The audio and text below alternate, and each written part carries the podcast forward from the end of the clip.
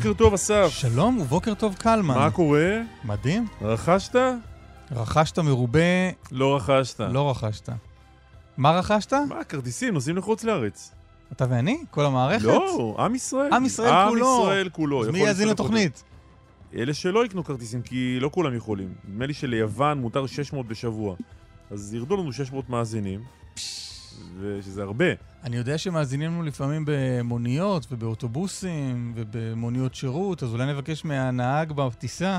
נכון? יש, למטוס יש נהג. יש נהג ויש רדיו. אז נבקש מהנהג לשים את התוכנית שלנו באווירון. היית נוסע? זה, זה, זה, זה מדבר אליך? יש שם איזה vouchers כזה, נכון? צריך להיבדק פה, ובחלק מהמדינות, או בעצם רק רגע, ביוון... צריך, צריך להיבדק פה, כלומר, אתה מקבל בדיקה? הרי לא כל מי שרוצה להיבדק יכול להיבדק. אני לזה, גם לא כל מי שרוצה ללכת לטבול באסי יכול. יש כאלה שמצליחים, יש כאלה שלא, אני לא יודע בדיוק איך זה. עובד. אבל, אה, אבל אתה צריך להיבדק פה. אני- במקרה אני- של יוון אתה צריך להיבדק גם שם. להיבדק ו- אתה נוחת ביוון, מתאשפז יומיים באיזה בית מלון בשדה התעופה, ומחכה שם לתוצאות. מחכה לתוצאות. תראה, הדבר היחיד שמושך אותי בכל הפרוצדורה הזו שתיארת זה שאתה מקבל בדיקה. כי אני, אני, אחרי ש... אני הרי נבדקתי פעם אחת כן. וקיבלתי תוצאה שלילית, ומאוד שמחתי. הייתי רוצה לשחזר את התחושה הזאת אז תקנה כרטיס. של קבלת התוצאה השלילית. יש כרטיסים בזול, אתה יכול לקנות כרטיס. להיבדק, ואז לבטל אותו. רק בשביל זה אז אני הלכו רוצה. 200 דולר, אבל יש לך בדיקה. זה אבל- 200 דולר? כמה עולה טיסה עכשיו? תלוי לאיפה, לא יודע. ראיתי במחירים מהסוג הזה. 200 דולר באוגוסט, זה יפה. לא. בשנים כתיקונן. אבל, אבל הקטע זה... יש עוד שם במדינות האלה את ה... אה, מה, הדבר הזה שהיה פה עם ה... ה-COVID-19. כן. לא, זה לא, זה תמיד אתה הולך לשם. מה זאת אומרת תמיד? זה אני- לא- כל העולם שם כבר עזוב, חודשים. זה לא מפריע לי. הקוביד לא מפריע לי. אתה נשמר ואתה נזהר ו... לא, מה זה והכל ונזהר? בסדר. אני אומר לעצמי, נניח נסעתי עם הילדים לקרואטיה, בסדר? אחרי יומיים קמים בבוקר, ואחת הבנות אומרת, כואב לי הראש. סתם, לא כי יש לה קורונה, היא לא שתתה אתמול בטיול מספיק. כן. איזה סרט אתה נכנס? עכשיו, אתה לא יודע אם זה מזה או לא מזה, בוא נחכה, נמדוד חום כל שעתיים, עזוב. מי צריך את הבלאגן הזה? בוא, בוא ניסע לאסי. כן, מקסימום, יש לך כאב ראש, שותים מים, חוזרים הביתה. לא, אתה- לא הייתה חובת בידוד באסי אחרי שחזרתי. קיבלו אותי פה יפה בארץ חזרה. מקווה שלא הבאת משם משהו. הבאתי קיבוצניקים. לא הבאת שוקולדים כשחזרת מהאסי. אגב, פתאום כשאני חושב על זה, אגב, זאת תקלה של אנשי קיבוץ ניר דוד, שלא מחלקים שם... אה, שלא מוכרים שם. אה, לא? לא מוכרים? לא, אין לך כלום לקנות. אולי כי היית בשבת. יכול להיות שהם... הם אדוקים. הם אדוקים. יכול להיות? יכול קיבוצניקים. להיות. עוד רגע, תראה, אני אספר לך פשוט, רגע לפני שפתחנו מיקרופון, אה, נשפך לי קפה על ה- מה שמכונה הליינאפ, שבו אנחנו רואים מה יהיה בתוכנית, אז אין לי מושג, כאילו, אני יודע בגדול מה יהיה בתוכנית, אבל לא, זה לא רשום לי. אתה יכול לספר לי? כן, למאזינים גם. הנה, ממש מעלעל פה בניירות. אה, שר התקשורת, אה, יועז הנדל, יהיה פה ממש עוד שנייה. יש לו שבוע, צריך להגיד, לדוקטור הנדל, למ- למנוע בחירות. כלומר, זה מה שהוא רוצה. אם הוא היה רוצה בחירות, אני, מי אני שיעצור שור בדישו. אבל הוא רוצה למנוע את הבחירות, אני מנסה להבין מה הוא, מפלגתו הרחבה, מתכוונת לעשות כדי למנוע בחירות. נכון. אה, זוכר את הוויכוח, את הוויכוח, הדיון שהיה פה אתמול על, אה, על היישוב ירכא, או ירקה, או איך שלא אומרים את זה. כן, כי צריך להגיד, משרד הבריאות קורא לציבור שלא להגיע לירכא או ירקה בגלל התחלואה שם, ואז התפתח דיון סוער, בואכה מכות בשידור, איך מבטאים את השם. ומה מה יותר אה, הולם מלהביא... אה, האדם שדבר איתנו על זה הוא מפתח בחברת הענן ספוט כמובן, כי מי עוד יכול לדבר על הנושא הזה? סתם, הוא, הוא מפתח טרי בחברת הענן ספוט. שיבל כרמי מנסור, חברנו היקר ועמיתנו עד לא מכבר, שבדק את הנושא הזה. הוא יכריע, ירכא או ירקה. הוא הכריע והוא משתף אותנו במסקנה שלו. נדבר על הקורונה במזרח ירושלים, יש שם התפרצות אה, לא קלה. ונדבר על הקורונה במזרח אירופה, גם שם יש התפרצות לא קלה.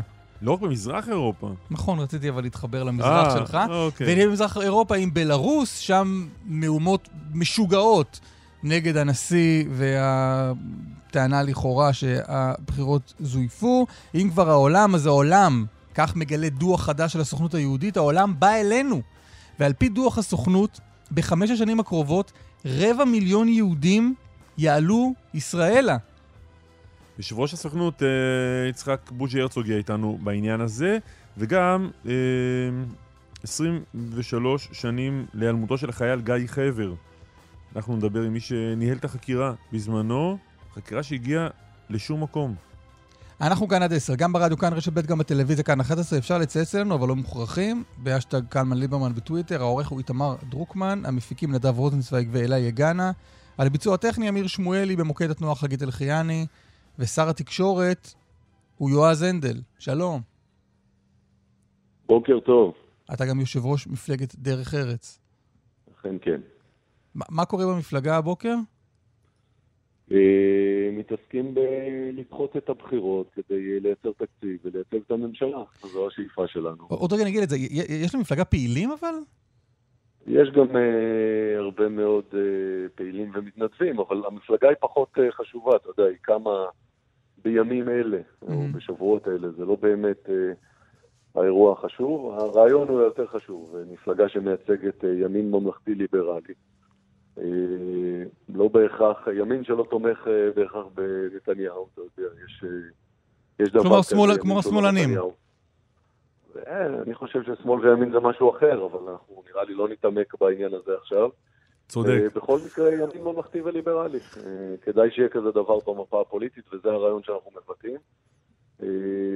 והוא מתקשר גם לעניין הבחירות, כי כשאתה לוקח על עצמך אחריות, אז אתה מבין שאי אפשר בימים כאלה לצאת לבחירות, כשיש מיליון מובטלים, ואולי פתחו קצת את השמיים, אבל אנחנו נכנסים למיתון. אה, ויש כאן אה, משבר כלכלי-בריאותי שלא ראינו כמוהו מאז אה, מלחמת יום הכיפורים. איפה עומד עניין התקציב? עומד בוויכוח, בוויכוח בין הצדדים, והוא עומד בזה שאי אפשר להעביר החלטות בממשלה, רק אתמול הייתי צריך להעביר איזה תחום שקשור למשרד התקשורת. וזה עומד על זה שאנחנו לא מצליחים ככה לקדם, את, אה, לקדם מנועי צמיחה שצריך לקדם. אמר כאן, אמר כאן ניר ברקת בשבוע שעבר, נדמה לי זה היה, אולי קצת קודם, שלא צריך תקציב. לא צריך. לא יודע. אפשר אה, לא להסתדר לא עם התקציב הקיים, וכל מי שצריך משהו שיבוא... לעדכן אותו לפי הצורך. כן, יבוא ויאשר את זה כן. בממשלה. אני, יש, יש כל מיני uh, תזות כאלה, אפשר uh, לייצר כל מיני דברים. דבר אחד ברור, שאתה צריך להעביר החלטות בממשלה. ובתקציב בדרך כלל יש את חוק ההסדרים שדרכו אתה מעביר החלטות ורפורמות. ואם אני לוקח את המשרד שלי כדוגמה, אנחנו צריכים לקדם אינטרנט מהיר, סיבים אופטיים ולפתוח את השוק של ה-5G. אז ה-5G עשינו שבוע שעבר עם מכרז התדרים. אבל האינטרנט המהיר, הסיבים האופטיים, דורשים מתווה שצריך לעבור בממשלה. אם אתה לא יכול להעביר אותו, זה אומר שאתה מפסיד מיליארדים כל שנה, לא פחות.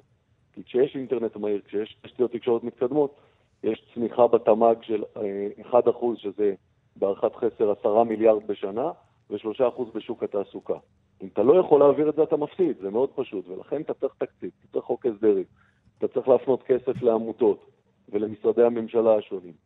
אה, יכול להיות שלניר יש איזה פתרון אחר שמתקשר להעברת כסף, אבל זה, הפתרון הזה לא נותן מענה לא למשרדי הממשלה ולא לכל התהליכים שנעצרו באיבה. אז יועז, בוא נחזור רגע, אנחנו שישה ימים לפני, ה... לפני הדדליין, אז מה קורה? אז היום אה, אני מקווה מאוד שתעבור ההצעה בקריאה ראשונה, יעבור החוק בקריאה ראשונה בכנסת, והמבחן הגדול הוא ביום רביעי, בעצם קריאה שנייה ושלישית. מי מהמפלגות יצביע נגד ובעצם יאמר שהוא... מדברים על הצבעה על הצעת החוק שלכם לדחיית um, המועד האחרון להגשת התקציב. כלומר, אתה בסך הכל נכון. דוחה את הדילמה הזאת ואת ההכרעה בעוד שלושה חודשים. אבל הדחייה היא מאוד משמעותית, אני אסביר לך למה. כי קודם כל, בכל מקרה אתה צריך לדחות. אין, אי אפשר להעביר תקציב בשבוע, אין כזה דבר, זה צריך לעבור בוועדות הכנסת, ודיונים, וויכוחים, ו... okay. אוקיי. וקריאות מכאן ומכאן, זה אף פעם לא עובר בשבוע, זה לוקח הרבה יותר זמן. נתחיל בזה שחייבים לדחות.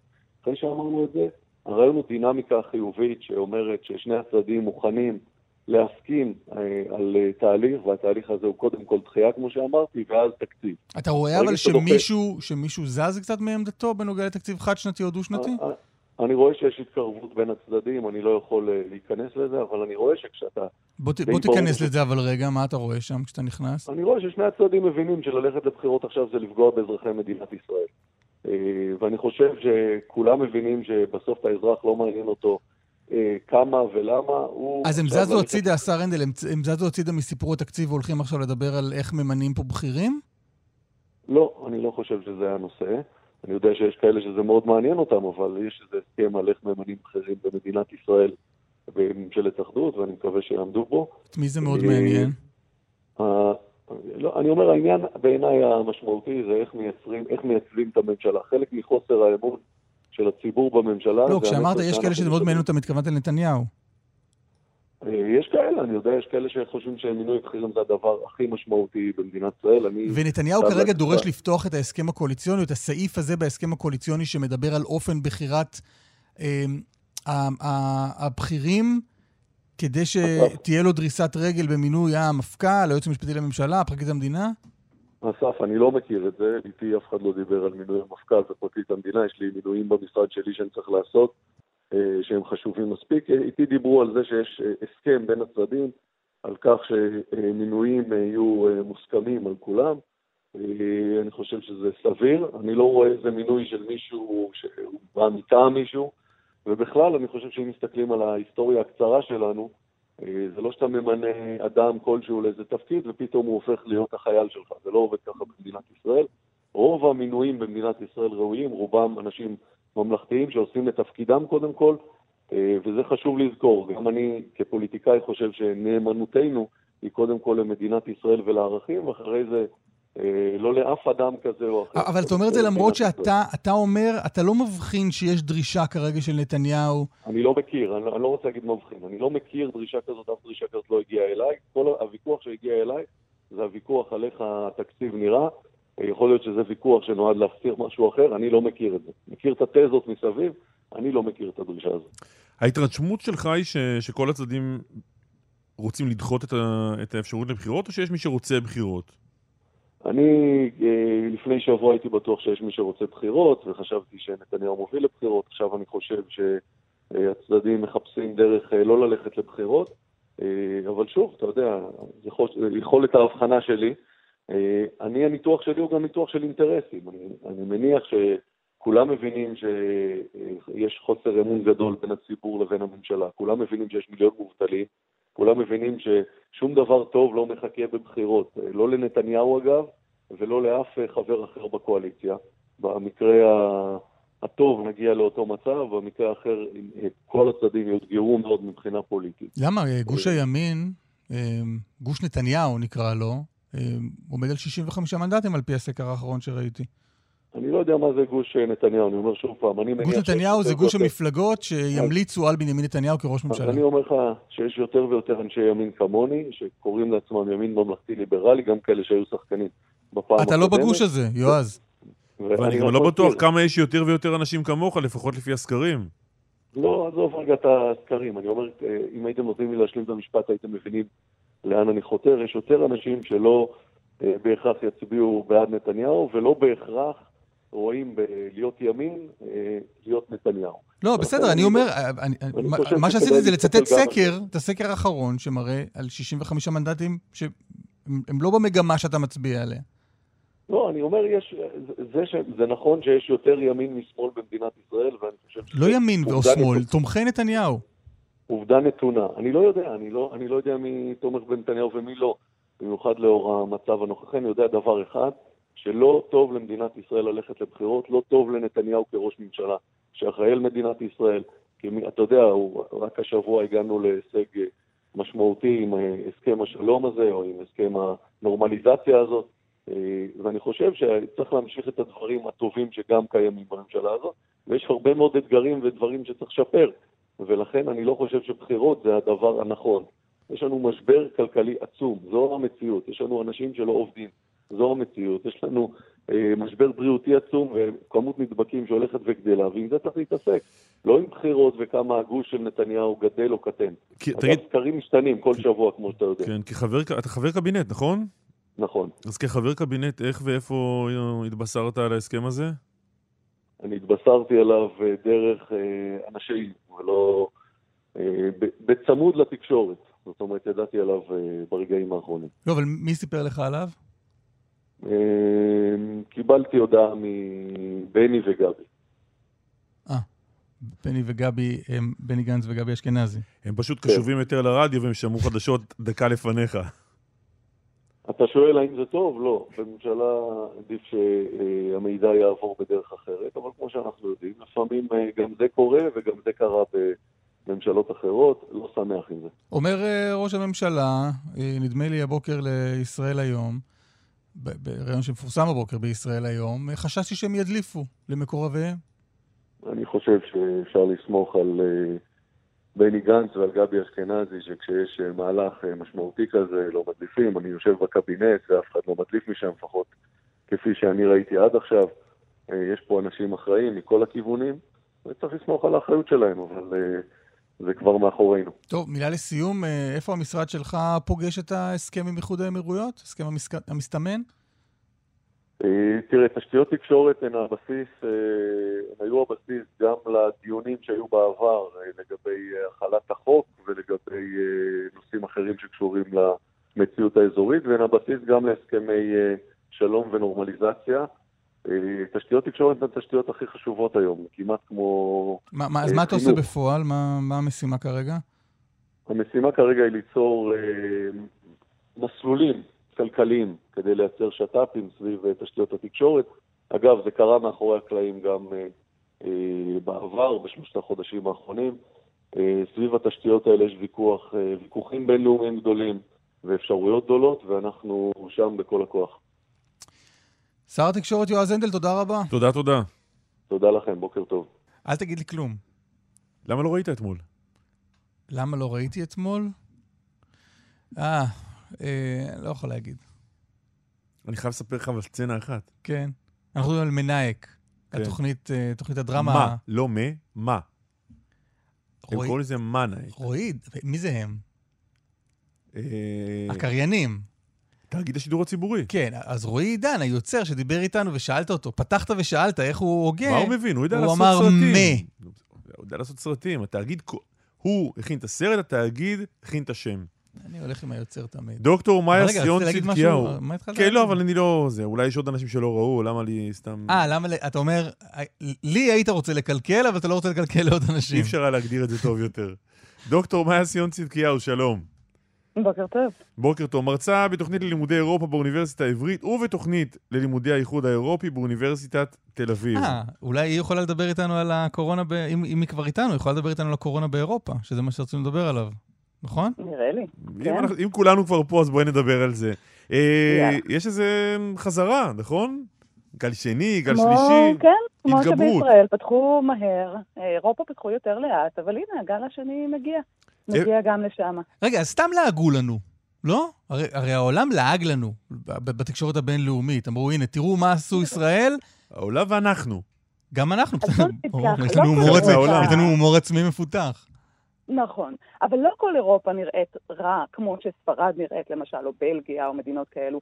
אה, אוסטריה עדיין נראית מצוין. אז בואי נתחיל רגע, גרמניה הזכרת את עדיין ספרד, מצבה לא רע כרגע. הזכרת את ספרד ובלגיה, בואי נתחיל איתן, מה קורה שם? אז בספרד התחלואה, הגל השני פרץ במחוז קטלוניה, סביב ברצלונה. היום במדריד, אתמול גילו שם 3,000, מעל 3,000 מקרים רק במדריד עצמה. אה, יש שם, אה, זה עיר של שישה מיליון אנשים, וספרד הפכה להיות מדינה בדרך להיות אה, אדומה, והיא בראש התחלואה באירופה, יחד עם בלגיה. גם בשוודיה המצב לא כל כך טוב. אבל שוב, יש שם גם מדינות אה, במצב אה, סביר, כמו אה, גרמניה. רגע, רגע, עוד רגע נגיע איטליה. למצב הסביר, אבל המדינות האלה שבמצב קשה, איך מתנהגות? אז ברובן אה, הטילו חובת עטיית מסכה גם בחוץ. אה, בספרד למשל, יש במחוזות מסוימים, כמו במחוז גליציה, אסור לעשן, כשאי אפשר לישון, לשמור על ריחוק אה, של שני מטר. אה, סוגרים ברים ומועדוני לילה. יש עוצר אחרי אחת בלילה בספרד, במחוזות רבים. אה, זו החלטה ברמה מחוזית ולא ברמה ארצית. אה, אז יש שם אפרופו באמת ויכוחים, אפרופו ויכוחים. ש- שמתנהלים כאן, אה, הופעות, מסעדות, נכון. אז ב- מה קורה? בספרד כמעט אמרתי בתי מ- כנסת. באנדלוסיה למשל קבעו שמופעי תרבות שנקבעו כבר התקיימו, אבל רק עד אחת בלילה. אה, שוב, ברים ו... כי באחת הנגיף הולך זה. לישון. בדיוק, הנגיף לא איתנו כבר. אבל, כן, אבל בלי, אה, בלי, בלי מגבלה של, אה, של מספר צופים? יש, יש מגבלות מסוימות, אבל זה משתנה מאזור לאזור, כי כל אזור מחליט על. אה, על רמה אחרת. בפריז למשל, מעניין לראות שברבעים מסוימים בפריז הטילו חובת עטייה, עטיית מסכה ברחובות, אבל במקומות אחרים לא. אז ברובע הראשון עד הרביעי, שזה מרכז העיר, סביב איל דה לסיטה והעירייה והמקומות ככה הכי תיירותיים, שאנזליזה, הרובע הלטיני, שם יש חובת עטיית מסכה. בהתחלה פרסמו רשימה של 102 כי רחובות. אלה, כי אלה הרבעים ו- הצפופים יותר. והתיירותיים גם יותר, בכל זאת אה, באירופה יש חופש תנועה, אה, אז תיירים כן זזים, וכן, אלה אזורים בהחלט צפופים, צפופים יותר, אה, גם מבחינה עסקית, אבל בייחוד מבחינה תיירותית, בכל זאת אנחנו ב- באוגוסט ובווקאנס, והצרפתים יוצאים לטייל גם ב- בצרפת עצמה. זהו, אפרופו צרפת, היה אתמול אירוע מעניין מאוד, כשבבריטניה נרשמה בהלה רבתי, הודיעו שם שם אה, שכל מי שנמצא בצרפת צריך תוך כמה שעות לחזור אה, הביתה, כלומר לבריטניה, ומי שלא יחזור ייכנס לבידוד, והייתה נהירה המונית בחזרה. כן, תראה, יש, אה, יש פה באמת צעדים מעניינים. בבריטניה הכריזו על צרפת כמדינה אדומה, זה אומר, וגם על הולנד ומלטה ומונקו. אז מי שחוזר מהמדינות האלו חייב לעבור בידוד של שבועיים. אז מי שלא רוצה את הבידוד של השבועיים חייב היה לחזור באמת במהרה. אה, מדברים על כל מיני משפחות שכשהן מטיילות באירופה, הן נכנסות למדינה כשהיא במצב צהוב, אה, בוא נגיד, אה, ו- או, או כתום, ויוצאות ממנה בסוף הטיול כשהיא במצב אדום, ואז הן חייבות אה, את הבידוד. אה, וזה באמת מצב שאתה לא יודע לצפות אותו. אז כן, לא כן, דיברנו כאן בהתחלה על. על, על מדינות הירוקות שלכאורה אפשר לטוס אליהן, אבל המדינות האלה יכולות לשנות את צבען בזמן חופשתנו שם. נכון, אנחנו רואים את מספרים באמת אה, עולים, עולים מהר, אה, בהחלט. עכשיו, אה, אה, הסיפור הזה שקלמן ואת הזכרתם קודם על, על, על המתיחויות האלה בין המדינות, זה באמת משפיע? יש, יש מתיחות שהופכת למתיחות מדינית בגלל החלטות של בריטניה, צרפת, אחת לגבי השנייה, לגבי באיזה מדינה, מה הצבע שלה? טוב, היחסים בין בריטניה לצרפת אה, בדרך כלל יש שם איזה כור טוב של מתיחות, והבריטים, גם בגלל ברקסיט, יש שם, אה, זה, זה מוסיף לשמן למדורה. אז כן, כשבריטניה מכריזה על אה, אה, צרפת, שהיא הופכת למדינה אה, אדומה, אז השר לענייני האיחוד האירופי בצרפת אומר שכנראה גם בריטניה תהפוך להיות מדינה אדומה, למרות שבריטניה דווקא במצב טוב יחסית. אה, למדינות האלה, היא לא נחשבת מדינה בדרך להיות אדומה. אף אחת באירופה היא לא מדינה אדומה, אה, שאני אבהיר, כן? זה לא ארצות הברית, זה לא דרום אמריקה, זה לא דרום אפריקה, שאלו מדינות אדומות. אה, ישראל היא מדינה אדומה, באירופה כמעט ואין מדינות אדומות, אבל ספרד, בלגיה, כן מדינות שיש בהן תחלואה לנפש גבוהה. שזה, שזה מעניין, אחרות. לפי מה זה נקבע? נגיד שאת משווה אותנו לשוודיה, שהיא מדינה ירוקה, לא? הלו? מה היה? שאלה לגיטימית, לא? אולי, אולי ניסחת אותה קצת, ניסחתי אותה קשה קצת מדי? בבוטות, נכון? כן. אז אה, איך אני אשאל את זה? שוודיה. אולי, אולי השוודיה יפיל את הקו. אולי לא, בלי, בלי שוודיה. בלי שוודיה? כן, טוב, היינו בשיאה של... כן, מאיה איתנו? כן, אני איתכם. דוקטור מאיה סיון באתי לשאול על שוודיה, ואז הקו נפל, אני אשאל את זה עוד פעם, ובזהירות. שוודיה בשוודיה... במצב לא טוב. שוודיה בהחלט במצב אה, לא, לא, לא טוב. אה, לא כלכלית ולא מבחינת הרמה של התחלואה שם, של הנדבקים יש שם פי עשרה- פי. מתים מאצלנו, בערך אותו מספר חולים, והם ירוקים? נכון. הם לא, הם לא ירוקים, אבל הם עדיין לא אדומים. יש, יש מצב של אה, צבע כתום ביניים. אה, באמצע. המרכז האירופי לניטור אה, מגפות בעצם עושה הערכה יומית, ועל בסיס זה הוא מפרסם אה, מפה עולמית, מנטר את כל המדינות גם בעולם. אה, ושוב, אין, אין מדינות אדומות ב- באירופה, אבל יש מדינות שהן בדרך. ואחת המדינות המפתיעות, הסתכלתי על הרשימה של המדינות שהן הן בס- הן בסדר עכשיו, ובין השמות שם אני מוצא את לא אחרת מאשר איטליה. אכן, אכן, בהחלט. איטליה במצב מאוד טוב מבחינת הנדבקים ה- החדשים, והם גם מטילים אה, הגבלות וחובת בדיקות על מי שחוזר מהמדינות כמו ספרד, אה, מדינות כאלה. בהחלט. איטליה אולי, מאוד אולי אין מנוס, ומאוד- אולי בסוף אין מנוס מלהחריב את המדינה כדי שיהיה בסדר. לא שלנו, מדינה נתונה. שזה מה שקרה באיטליה פחות או להחריב יותר, מהבחינה של להטיל סגר נוסף. שחצי מדינה מתה, חצי מדינה חלתה והבריאה, והנה אפשר לחזור לחיים אחרי זה. חוזרים, תראה, חוזרים לחיים. מופעי תרבות כן. מתקיימים, ה- ה- המועד- מסעדות נפתחות ברוב המקומות. בלונדון נותנים ואוצ'רים, ללכו, שבו במסעדות ותקבלו על זה הנחה מאוד אה, גדולה. יש ניסיונות להחיות את הכלכלה, אף אחת לא חוזרת לסגר, אבל יש צעדים מאוד מסוימים שננקטים. אף אחד לא, לא, לא חושבת, אה, אה, גם אם זה, שוב, צעד שאולי אה, יתבקש בהמשך, כולם מאוד מאוד נזהרים מלהטיל סגר נוסף ולא מדברים על זה כרגע. תגידי, גר... מדברים על צעדים מקומיים מאוד. ג- גרמניה עדיין היא דוגמה ומופת ל... כן. כן, אבל uh, בימים האחרונים, ממש ביומיים שלושה האחרונים, פתאום המספר הנדבקים uh, קפץ גם שם. עכשיו, זה מתלווה בין היתר לפתיחת גבולות. למשל, המקרים החדשים שהגיעו לאיטליה, 600 מקרים ביממה האחרונה, של נדבקים חדשים, רובם חזרו מספרד או מיוון או ממדינות כאלו. אז, uh, אז יש חובת uh, בדיקות על מי שחוזר מהמדינות האלו, ופתיחת השמיים היא בעייתית בהקשר הזה. אוקיי. בישראל גם בלי פתיחת השמיים אנחנו לא במצב כל כך טוב, אבל באירופה, אה, במדינות מסוימות שכן ידעו לשמור על עצמן, שם רואים אה, עלייה של אנשים שחוזרים מהטיול. דוקטור מאיה סיון צדקיהו, תודה רבה לך. בשמחה. ראש הסוכנות היהודית איתנו, יצחק בוז'י הרצוג, שלום. שלום, בוקר טוב לשניכם, מה שלומכם? אנחנו בסדר, מה איתך? עובדים קשה. אתם, אה, אתם בסוכנות בתחושה שהקורונה תביא לפה גל גדול של עולים.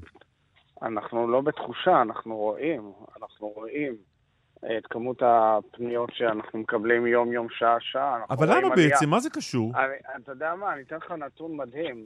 400 אחוז עלייה במדינות אה, המערב, במיוחד לדוברות אנגלית. 400 אחוז פניות. 90 אלף טלפונים שקיבלנו מראש, מתחילת השנה. אז זה תופעות שאנחנו לא חווינו שנות דור. מה הם, אומרים אותם. בטל... מה הם אומרים בטלפונים האלה?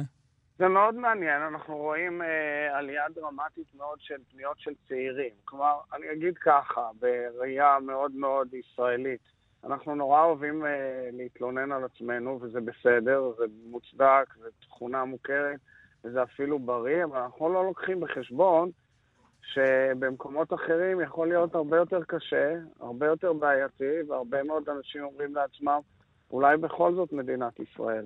ת, תן דוגמה, זה מאיפה. מאיפה למשל אתם רואים אה, גל פניות כזה? אה, מארצות הברית, מאוסטרליה, מדרום אפריקה, מצרפת, ל- למה- למה- למה אתה- מאמריקה הלטינית, ברור, חבר העמים, אה, ועוד ועוד מקומות. אוסטרליה, למה פתאום יש אה, גל פניות מאוסטרליה? כי באוסטרליה אוסטרליה, דווקא החינוך היהודי מאוד מאוד חזק, היהודי והציוני. קהילה מדהימה. תקופה שאתה נמצא בבידוד, דרך אגב, גל שני באוסטרליה, כמו כאן, אנשים חושבים, משפחות מתכנסות תוך, בתוך עצמן. זה לא סוד, הן אומרות לעצמם, רגע, אוקיי, אולי זו ההזדמנות לממש את החלום.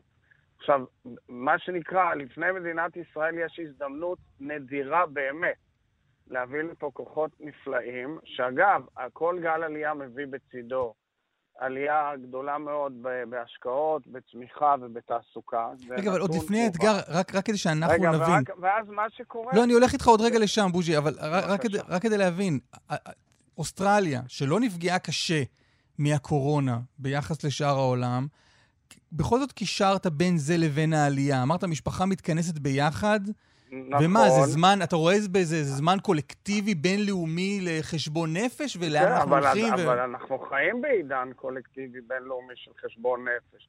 אנחנו הרי לא מבינים את היקף התופעות, זה יימדד עוד דורות. הרי התופעות אפילו על, על, על הדור המבוגר, אני רואה את זה על ההורים, על ההורים של מיכל, אני רואה את זה על, על כל המשפחות, כל מיני דברים משפיעים, חיינו מושפעים, ואנחנו חיים את חיי היום-יום, אבל חיינו בגדול מושפעים בצורה משמעותית. גם החיים היהודיים מושפעים בצורה משמעותית, גם החינוך היהודי מושפע בצורה משמעותית, הוא חינוך פרטי יקר. הרבה מאוד דברים משפיעים על האלמנטים, אנחנו לא חופרים לכל משפחה למה, או כל פונה, למה אתם רוצים לעשות את זה. אנחנו רק רואים תופעה מרתקת מול עינינו. יש כבר עלייה בפועל, או שהכל. דיבורים ותכנונים לטווח רגע, ארוך? קלמן, אני רק אוסיף, אנחנו רואים גם, אנחנו פונים ומדברים עם ממשלת ישראל, אנחנו עובדים מאוד טוב עם משרד העלייה והקליטה ועם השרה תמנו שטה, אבל זה ברמת על, זה אומר שאם הממשלה לא תעמוד מול האתגר לשחרר את כל החסמים שבדרך, אנחנו נחמיץ את ההזדמנות. עכשיו, בפועל יש עלייה גם עכשיו. היו, כבר עלו כ-4,000 עולים מתחילת המשבר. רק לפני שבוע הגיע לכאן מטוס מלא של עולים ממקסיקו. כולם עוברים לבידוד, דרך אגב, ולא היה מקרה אחד אה, מוכר של אה, אה, קורונה. ואנשים עולים ומתק... ו... ונכנסים מיד לבידוד, והסוכנות היהודית מלווה כל משפחה כזאת עם אנשים שהולכים בבוקר, בצהריים ובערב לפקוד אותם ולראות שכולם בסדר ולטפל בכולם. וזה תהליכים מאוד מאוד מעניינים, מאוד מלהיבים אפילו, כשאתה מסתכל על התמונה הכוללת. מדינת ואני יש- כ- כן, מדינת ישראל אתמול היה ערוכה... נשיא המדינה, אה, ראובן רובי ריבלין, כיבד אותנו אתמול באולפן עציון בירושלים. בא לפגוש צעירים שעלו תוך כדי הקורונה. צעירים נפלאים, מכל, אה, אה, מארגנטינה, מארצות הברית, מחבר העמים. היה מרתק, הייתה שיחה מרתקת של הנשיא איתם, ואתה אומר לעצמך, זה רק יכול לחזק את מדינת ישראל, את החברה הישראלית. בואו ננסה למצות את ההזדמנות בצורה נכונה ולא לחכות. מדינת ו- ישראל כדאי- ערוכה- ערוכה לקלוט את המספרים הגדולים האלה שאתה מדבר הנה, עליהם? אז זה, זה סוגיית החסמים. אז בוא תראה, אנחנו צופים אה, ועומדים מאחורי המספר הזה בצורה מובהקת לגל עלייה של רבע מיליון עולים בחמש השנים הקרובות. זה אומר שצריך להיערך תשתיתית לדבר הזה. קודם כל, הבאת העולים.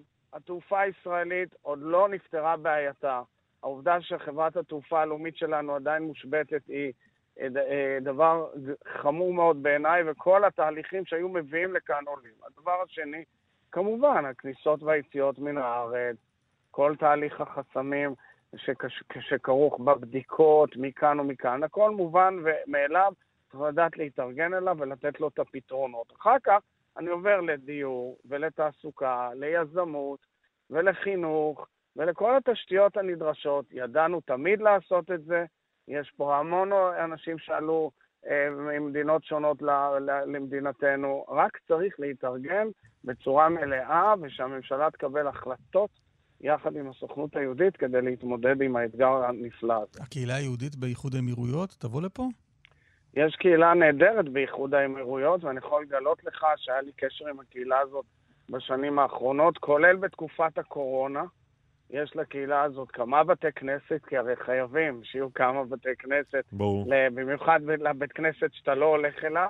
אז גם, ב- גם באמירויות, גם בדובאי וגם באבו דאבי, ואנחנו אפילו דיברנו על אה, תוכניות לימוד, ו- ואפילו ל- לראות אם אפשר לשלוח שליחים לשם. לך בפוליטיקה היו... אה, ש- דרך אגב, אנשים לא זוכרים, היית פוליטיקאי? אני אה, רוצה לברך על ההסכם הזה, אני חושב שהוא הסכם נפלא, והוא היה, החזון הזה של, של מהלך אזורי כולל שיניע אה, שינויים אה, אזוריים משמעותיים, הוא קיים כבר כמה שנים, ואני מזכיר לכם שהוא גם היה התשתית לדיאלוג שלי עם בנימין נתניהו ב-2016, כי לא בכדי, אפילו הסתובבנו באזור בכמה וכמה פגישות מעניינות, כי חשבתי שזה צריך להיות, צריכה להיות. האבן הראשה של מהלך כולל שיכול להביא גם בסופו של דבר הסדר עם הפלסטינים. מצטער שלא נכנסת לממשלה ההיא? זה כבר, בוא, את כל הניתוח של מה שהיה אז, תאמין לי, נכתוב יום אחד בספר. לא, אז לא ביקשתי כל הספר. בוא ניתן, דבר, בוא ניתן רק את, לא את פה- הקדימון זה לא פה לספר. רק- זה לא פה רק בגללי, אם כי בסופו של דבר אני חשבתי שזה היה צריך להיות התשתית למהלך גדול, שכל המערכת המדינתית העולמית הייתה מאוחדת סביבו. אה, זהו, החיים התגלגלו הלאה. תן משהו, איזה פסקה, אנחנו- חצי פסקה מתוך הספר שאתה עתיד לכתוב בנושא. לך תדע, אולי נתחיל בוא לכתוב אותו כאן. כן, אני רואה שקלמן בא עם. לפטופ, יש לו מחשב, אני בוא, אני. רושם, אני רושם. קם מול עינינו מנהיג, לא, לא נכנסים, לא, לא נכנס לספר, אבל אני אגיד, מוחמד אה, בן זייד הוא מנהיג מרתק. והיו כמה וכמה אנשים שחיברו אותו עמוק למדינת ישראל. אחד היה טוני בלר, ראש הממשלה הבריטי לשעבר, שהיה, שאדם שהשפיע בצורה מאוד משמעותית על כל התהליכים הללו, וזרע הרבה זרעים, גם מראש הממשלה נתניהו. כמובן גורמים מקצועיים שכולם מדברים בהם. אני רוצה להזכיר אפילו את יצחק מולכו, השליח של, והיועץ של בנימין נתניהו, אה, הרבה שנים. היו הרבה אנשים שבנו נדבך נדבך את הקשרים הללו, גם אנשי משרד החוץ הנפלאים, והרבה מאוד גורמים. זה, זה, זאת מערכת יחסים יפהפייה שמתפתחת מתחת לפני הקרקע. היא מרתקת מבחינה היסטורית, היא חשובה, אסור לפספס אותה. היא יכולה להביא לנו עתיד טוב יותר. כמובן, היא מייצרת קואליציה משמעותית מאוד במזרח התיכון מול uh, הקואליציה האיראנית. זאת קואליציה שצריכה להיות okay. אוקיי. קואליציה חזקה. כדי להבטיח את האינטרסים הביטחוניים של ישראל ושל יפה. אה, העולם המערבי כולו. טוב, תצליח להביא uh, לארץ כעולה את uh, סט רוגן? תראה, סט רוגן, בוא נגיד קודם כל למאזינים שלך, שחקן uh, הוליוודי מאוד מאוד ידוע, שבריאיון שקיים בפודקאסט עם מראיין חבר שלו, יהודי, מרק מרון, מרק מרון כן. כאילו הוציא החוצה הרבה מאוד תסכולים שהיו אה, בנוגע לחינוך היהודי-ציוני שקיבל, ובין כן, היתר... כן, גדלתי כדי ילד יהודי, האכילו אותי שקרים על ישראל, לא סיפרו לי הרבה נכון, דברים. נכון, ובין היתר השתמע כאילו הטלת ספק בצדקת קיומה של ישראל. עכשיו, מכאן הפרשה התגלגלה דווקא לסיפור מעניין, כי באופן טבעי אני ניהלתי, אני קיבלתי את הפנייה מהקהילה היהודית בוונקובר, שם הוא גדל, ביקשו ממני לשוחח איתו. אני הסכמתי בשמחה, כתבתי מכתב שהוא עבר דרך הוריו. לאימא שלו. כי, נכון, כי בסוף הוא, אמר... כי בסוף הוא אמר... אבל זה לא שאני פניתי לאימא שלו. אני פניתי אליו, המכתב הוא עבר דרך אימא שלו, בתיאום, ובוא נגיד, בנימוס, בעניין רב של אימא שלו, כדי לברר את הנקודה. ואכן הוא מיד... כי בדיעבד הוא אמר, אימא שלי הכריחה אותי לדבר עם uh, יושב ראש הסוכנות. אני, לא רוצה להביך אף אחד, וזה יפה שהוא מכבד את אימא שלו, והייתה שיחה מצוינת. קיבל חינוך יהודי טוב. הייתה לי איתו עוד שיחה, אחרי זה הוא טלפן אליי על עוד שיחה. אבל מה שהיה מעניין, שכשברגע שהוצאנו החוצה את העובדה שהוא הבהיר את עמדתו בצורה אה, נחרצת, אז כמובן התחיל עליו גל שטנה נוראי של כל מיני כוחות, איך, אה, מה פתאום אתה מיישר קו עם הישראלים, ועם הציונים, ומה לא, ואז הוא קצת uh, התפתל. הוא היה בסדר אבל, אבל עם זה שתוציא את זה החוצה, את, תוכן השיחה? הוא אמר לי בצורה מפורשת, מפורשת, שאלתי אותו. הוא אמר, אתה, הכל, what can I take out of this conversation and make public? הוא אמר לי, everything, הכל אתה יכול להוציא, וגם את זה הבהרתי לתקשורת. אה, אבל אתה יודע, זה היה סיפור פיקנטי, ולגופו של עניין אני חושב שהוא היה סיפור חשוב, כי סט רוגן אחר כך התראיין, ו... ואפילו בדרכו שלו, אני חושב שהוא uh, הבין את עמדתי ואישר מה שאני אומר, uh, גם אם זה נאמר בצורה קצת יותר מעודנת. יפה. אה, נחכה לראות אותו פה בארץ. ונחכה לספר. בהחלט. בטח. כן, אני גם חושב שזה, צריך להבין אבל, שהוא, וזה עלה בשיחה, שהוא משקף תסכול עמוק מאוד של דור צעיר, יהודי, ליברלי, שמרגיש תסכול ואי הבנה לגבי מה ישראל עושה ועמדותיה. זה נושא שצריך לדעת לתווך אותו, צריך גם שבציבור הישראלי יבינו אותו. אלה אנשים רציניים, אוהבי ישראל, שגדלו באהבת ישראל, מעוניינים להמשיך בקשר עמוק מאוד עם מדינת ישראל, ונכנסים לבל... לבלבולת לגבי עמדות שונות. הסיפור הרי עלה בהקשר לצעדים ישראלים כאלה ואחרים, ואני ניסיתי להסביר לו גם על הדמוקרטיה הישראלית, גם לאן היא הולכת, ואני גם משהו ש, שהוא לא מובן בארץ, ש, ואני באמת, אנחנו כולנו סבלנו משלושת מערכות הבחירות כן. שעברנו, אבל אמרתי לו, תראה, עצם העובדה שבישראל הלכו בשנה וחצי האחרונות שלוש פעמים לבחירות, שכל אזרח, אזרח ואזרחית יכלו לנקוט עמדה ולשלשל פתק בקלפי, כן. זה מראה לך שבניגוד למה שכל אה, מי אנחנו... ששוטף מוח בחוץ לארץ, אנחנו כן. אנחנו רוצים כבר, מקיימים אנחנו כבר לסיים. אבל באמת הקונטקסט זה זה שבסוף שני יהודים אמריקנים, המראיין והמרואיין שם, מאוד מצליחים ומשפיעים ובעלי דעה. צריך בכל זאת לחשוב על, ה, על הדיאלוג בינם נכון, לבין ישראל. נכון, אנחנו עושים מאמץ גדול אוקיי. להגיע אליהם בכל מקום ומקום. יצחק בוז'י הרצוג. ולחבר אותם. יושב ראש הסוכנות היהודית, תודה רבה. תודה רבה. טוב, אנחנו... אה, שיבל יהיה איתנו ממש בפתח השעה הבאה, אה, כדי להכריע ירקה או ירקה. פשוט... אני, אני במתח. אני במתח. אה, בהקשר הזה כותב הסוציולוג השתוי באשתה קלמן ליברמן בטוויטר, כשתוכנית הרדיו הקבועה שלך הופכת למהנדסת תודעה קשוחה שמייצרת דיון על מובן מאליו, רחב ועממי, אתם לא תמשטרו לנו את הירקה. הבנת?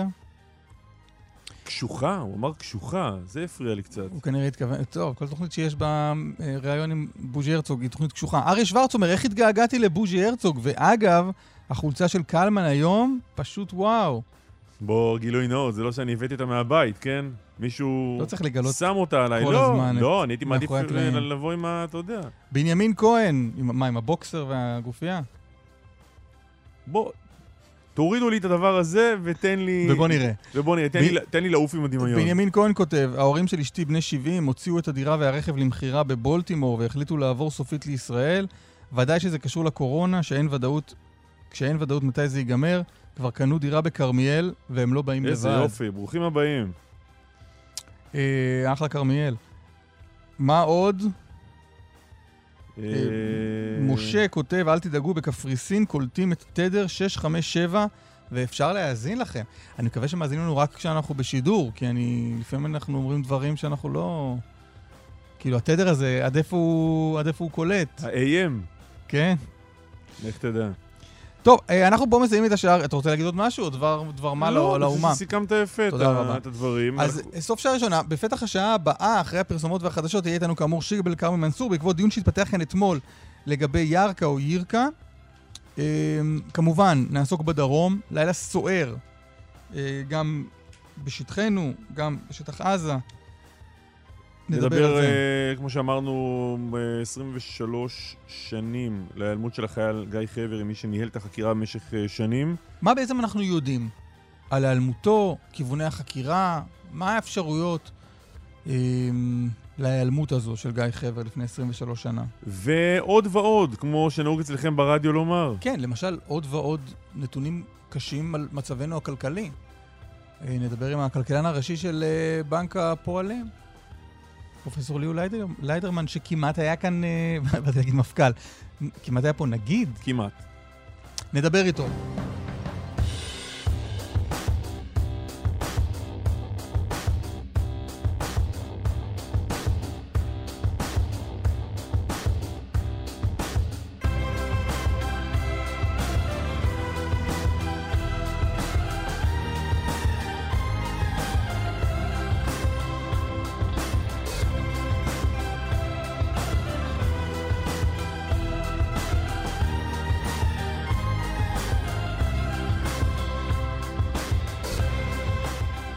פולק, שלום.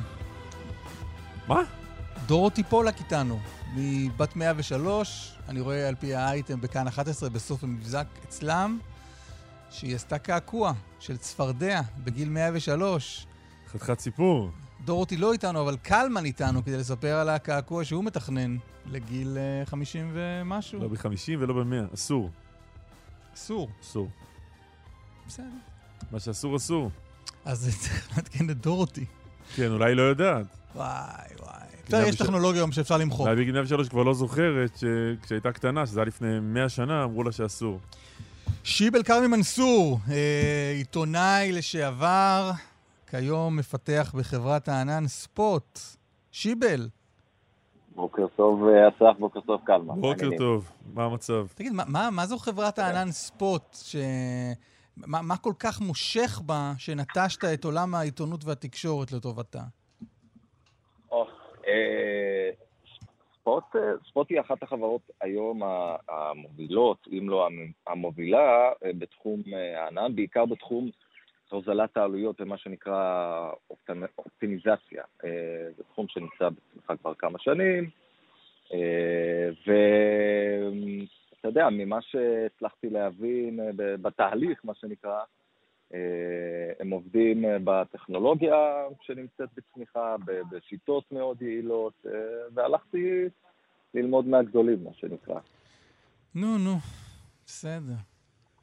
בסדר. מה, אתה לא, לא, לא, לא נשמע לך מספיק טוב? אני, כל פעם שמישהו עוזב, כל, כל, כל אה, חבר איכותי כמוך שעוזב את עולם התקשורת, אני בודק את עצמי. אני אומר, מה אני עושה לא בסדר? אולי וכשאתה מסיים את הבדיקה, מה אתה אומר לעצמך? שאני לא יודע לעשות שום דבר אחר. אה, שיבל הוא איש מאוד מאוד מוכשר. כל מי ש- אה, כל מי שנשאר פה בתקשורת זה אלה שאין להם שום אופציה אחרת. כן. מה אנחנו עוד יודעים לעשות? מה, אני אה, יודע לפתח עננים? או להוריד גשם מעננים? לא, עננים זה שרון וקסלר. אז זה שרון וקסלר ושיבל כרמי מנסור. שיבל, התכנסנו כי הבנו ש... מהיועצת הלשונית של, ה... של התאגיד, שעסקת בסוגיה מאוד מאוד אה, חשובה שהסעירה פה והלהידה את הרוחות כאן אתמול. אמ, הרת גורל. כן. אה, משרד הבריאות אה, קורא לציבור שלא להגיע למוקד תחלואה מסוים שנקרא או ירקה או ירקה. אז, אז, אז ככה, הוא, הוא נקרא ירקה, אומרת, אה, תושבי המקום וכל מי שדובר אה, ערבית קורא לו ירקה. אה, אבל כמו עיספיא, אה, גם ירקה, כמו מה? בלשון, בלש, כמו עיספיא, אה, עוספיא, כן? בלשון דוברי השפה העברית היהודים בעיקר, היא נקראת עוספיא, ומוקד התחלואה נקרא ירקה, אבל השם הוא ירקה. לגמרי ירקה. יש לזה פירוש לירקה? אז אה, אה, חקרתי את זה קצת ככה לקראת אה, שיחתנו. יש שלוש תיאוריות. אין לזה פירוש ממש, אבל יש שלוש תיאוריות מאיפה הגיע השם. אחת מהן, שהיא די רווחת, חושי הערכי. הרי הוא חברו ויועצו של המלך דוד. אה, רע המלך, וטוענים שמשם הגיע בשם הערכי, הגיע ירקה. אה, אחת התיאוריות אומרת שזה בש... בגלל הצורה של ההר שעליו שוכן המקום, שדומה, שדומה לצורת ירך. ירך בערבית זה ווארק, וווארק, ירקה, משם זה הגיע. זה ככה שתי תיאוריות שהן מאוד אה, רווחות לגבי, לגבי היישוב הזה. כי, כי היה כאן אה, ראש ה... איך זה נקרא? רגע, נדמה לי שהוא דיבר על שלוש, נכון? יש עוד... כי יש עוד גרסה אחת שאומרת ש, ש, שזה בא מהצבע ירוק, בגלל שיש שם הרבה ירוק, אבל היא נשמעת לי סתם כמו איזה חיוך. ואיך אומרים ירוק? אה, לא, אה, ממש מהמילה ירוק, מהמילה בעברית. אה, ירוק ב, ב, בערבית זה אחבר, אבל... אה, נו, ואז זה יכול להיות גם ירקה. ירוק, ירקה. אה, טוב, תשמע, אבל אתה לא להיות אוהב את התיאוריה הזאת גם ככה. אסף, לא, אבל, אבל אה, שיבל, מה שמעניין זה שאתה אומר שמי ש, שגר שם, או מי שדובר ערבית, קורא לזה ירקה. בדרך כלל דוברי העברית נשענים בהגייה על דוברי הערבית. אז מאיפה דוברי העברית המציאו את הירקה, אם אין אף אחד בירקה שקורא לזה ככה? תשמע, הרבה פעמים אה, אה, דוברי הערבית מאמצים את הקונבנציות ב- בשפה שהם מדברים. זה לדעתי קצת מצער, אבל לפעמים זה... אני יכול להגיד לך כמישהו ש... אתה יודע, שמו נאמר ב- בפורומים כאלה ואחרים, קצת יותר רחבים וקצת פחות רחבים, רחבים שעדיין אה, מתבלבלים בשם שלי לא מעט. אגב, השם שלי הוא לא שיבל, רק שתדעו. השם שלי הוא שיבל, אה, אבל, אבל איך... אה, איך, איך, עוד זה פעם? נשמע לנו די דומה. נו, בבקשה, אבל, אבל איך, איך? כי, כי קצת קשה ב- בשפה אחרת להגיד אה, שמות שהם אה, זה. רגע, אבל איך, אה, תגיד שוב. שיבל, שיבל. אבל אתה ברדיו, כשהייתי פותח מהדורות חדשות בגלי צה"ל, נכון, היית אומר נכון, שיבל כי- כרמי כי מנסור. אפילו, כי אפילו לי, כי בפעם הראשונה שאמרתי למישהו שקוראים לי שיבל, הוא, הוא לקח לו, זה, זה לקח 45 דקות. אז, אה, אז, אז אה, קוראים לי. אני חייב להגיד שגם אחרי. שאמרת את זה שלוש פעמים, נכון. התשובה האמיתית נשמעת לי כמו שיבל, רק יותר מהר. אה, אפשר להגיד שזה, שזה שוב, הנה, הנה, מתחיל הדיון על זה. לא, אני, אני אומר, אבל הרבה פעמים אה, מאמצים קונבנציות שהן, אה, שהן לא בהכרח נכונות, כי יאללה, בוא, יש מספיק דברים עכשיו אה, לדון בהם ולהתווכח אית- על, עליהם. אז, אז בסדר, גם אני אגיד ירקה. גם אני אמרתי כמה פעמים בחיי ירקה, ולא ירקה, ולא... ולא ועוספיא, ירקה. אמרת גם- גם פעמים- כמה פעמים בחייך עוספיא? ולא עספיא? אה, לגמרי, לגמרי, לגמרי. שוב, כי, כי מאמצים קונבנציות כאלה, היום אני קצת יותר משתדל. אה, אני חושב שזה עבודה של, אה, גם של עיתונאים, בעיקר של עיתונאים, אתה יודע, שצריכים להביא את המידע ולדייק, לבדוק אה, שמות כאלה. אוקיי. אה, וגם, וגם של, ה, של, החבר'ה, של החבר'ה אה, שהם לא, לא דוברי עברית, אה, להביא את השמות האלה כמו שהם, כשהם מדברים על זה. שיבל כרמי מנסור, תודה רבה. תודה, תודה. תודה, תודה, ואני מזמין אתכם לקפה בירקה, או תחזור- באתיקה, בהזדמנות. תחזור לענן בינתיים. כן, בדיוק. יאללה, ביי. להתראות. תודה, ביי חברים. אני זוכר שפעם הייתי ב- בחו"ל איפשהו, ופגשתי זוג אה, חבר'ה שהם מפולין. ואז, אה, ואז אמרתי להם שאבא שלי נולד בלודג'. ואמרתי, my father was born in, in lodge. ואז הם הסתכלו ואמרו לי, מה זה לודג'? אין דבר כזה לודג'. אמרתי לעצמי, "פפ, אבא שלי המציא, אבא שלי המציא לודג'. מה, גם בזה, גם יש, אתה יודע, יש בהיסטוריה שלנו, לודג' זה, זה, זה אירוע. ואז אחרי באמת איזה 20 דקות של הלוך ושוב, אמרו לי, אה, וודג'. וודג', למקום קוראים וודג', בפולנית. ולא היה להם מושג מה זה לודג'. סע לירכא, תגיד להם ירכא, הם יסתכלו עליך בתימהון. אבל הנה, עשינו פה עבודה עיתונאית אה, מעמיקה. אנחנו, שיבל עשה, אבל כן, לא, ידענו למי לפנות. ידענו, ידענו למי כן. לפנות. אה, ונודה גם לסמדר אה, שלנו. היועצת הלשונית, אה, בטח. עשתה פה עבודה. בהחלט. סולימאן מסוודה, שלום. שלום, בוקר טוב חברים. מה המצב בירושלים? חזרנו לעיני הקורונה. שמע, מצב הקורונה במזרח ירושלים לפי מנכ"ל משרד הבריאות ולפי מיטב הרופאים כאן במזרח ירושלים וגם התושבים הוא, הוא לא טוב, ממש לא טוב. אם אנחנו נדבר על מספרים, אז יש טיפה פחות אה, מאלפיים אה, אה, חולים במזרח ירושלים. ואנחנו רואים שהמספרים פשוט הולכים ועולים מיום ליום. כל יום לפחות 200 אה, חולים נוספים למאגר החולים כאן במזרח ירושלים. אבל מעבר באמת למספרים של החולים, המספר שהכי אה, אה, מדאיג, אה, ואנחנו רואים אותו חוזר על עצמו בתקופה האחרונה, גם בבדיקות שבוצעו בשבוע שעבר וגם אתמול, זה אחוזי החולים מתוך מספר הבדיקות ביום חמישי. אחוזי החיוביים מתוך מספר הנבדקים. נכון, נכון. אז uh, ב-44 אחוזים ביום אה, חמישי אה, אה, פרסמנו את, ה, אה, את הנתון הזה, למעלה מ-500 בדיקות, אם אני זוכר נכון. 44 אחוזים? כלומר, כמעט אחד מכל שני נבדקים נמצא חיובי. נכון, נכון, ואם אני זוכר נכון, 520 אה, אה, בדיקות היה, היה, מספר הבדיקות, ו-44 אחוזים. גם אתמול פחות או יותר אותו נתון, עוד למעלה מ-40 אחוזים מתוך אה, מספר אה, אה, הנבדקים. רק נגיד שהנתון הארצי נע בזמן האחרון בין 6, 7, 8, 9 אחוזים, משהו כזה. נכון, נכון, והמספרים במזרח ירושלים באמת, אם אני אשתמש במילה שאחד הרופאים כאן במזרח ירושלים אמר לי, הם מבהילים וגורמים לתושבים כאן באמת לפאניקה, זה המילים שלו.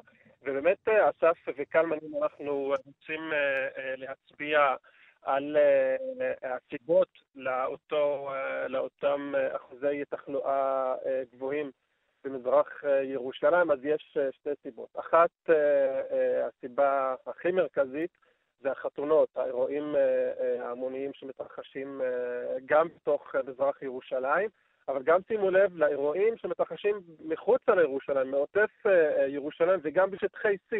יש שם אה, חתונות המוניות, חלק מהם, חלק בהם משתתפים תושבי מזרח ירושלים, וחלק מהם, החתונות עצמן הן של תושבי מזרח ירושלים, שמארגנים אותם בשכונות מזרח ירושלים וגם בשטחי C כדי לאכוף את ההנחיות, וככה אתה בעצם יכול לקיים אירועים אה, אה, המוניים ללא... אה, אם אני זוכר. טוב, סולימאן, לפ- לפי הנתון שפורסם, כמעט 30 אלף איש היו בתפילות חג הקורבן בהר הבית, נכון?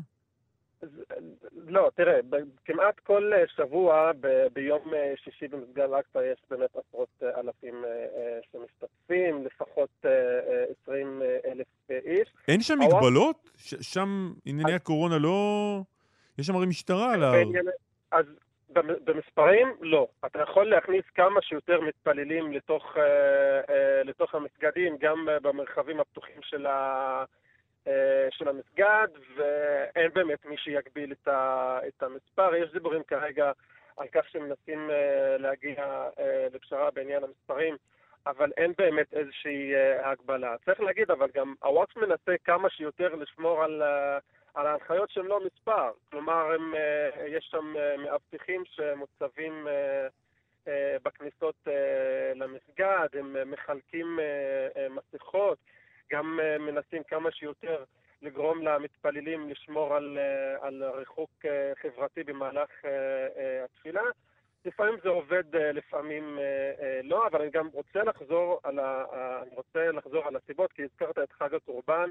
וזו הסיבה המרכזית. אה, אז בוא, אז בוא, סולימאן, בוא בשלב הזה נצרף אלינו, אה, נפנה לחמ"ל הקורונה של מחוז ירושלים אה, בקופת חולים כללית, הדוקטור דימה ביטר, שלום. שלום. תמונת מצב, נכון לבוקר זה? אז uh, הוא בעצם אמר לכם את הסיכום של מה שקורה. Uh, אין, אין כאילו להגיד, להוסיף מספרים, זה... המצב חוזר על עצמו, המספרים עולים ואנשים אה, לא מתרחקים מספיק ולא אה, מוצמדים להנחיות כפי שצריך. גם עכשיו כשהממצאים כל כך קשים? גם עכשיו. אה, אני חושבת שהמודעות לא מספיק טובה כדי שהם יבינו שהם באמת צריכים לצמד יותר טוב ולדאוג יותר. יש, יש איזשהו חוסר מודעות למצב. יש יותר ויותר מודעות. אבל איך זה? איך זה שיש חוסר מודעות למצב? Um, זה התחיל פשוט בהתחלה שחשבו, כאילו המספרים אצלנו במגזר הערבי בהתחלה היה ממש, uh, היו ממש נמוכים בהתחלה. הם בכלל חשבו שאולי שאנחנו לא עושים מספיק בדיקות, לא היה ברור מה המצב, רצו אפילו לחקור את זה. ומאוד מאוד נענו להוראות בהתחלה. אבל אחרי תקופה של זמן הרגישו שאולי זה משהו פוליטי, אולי זה לא משהו אמיתי, והתחילו לצאת, ונמאס להם לשבת בבית כל הזמן. והיה קשה להם גם, אה, היו תקופות ארוכות מדי.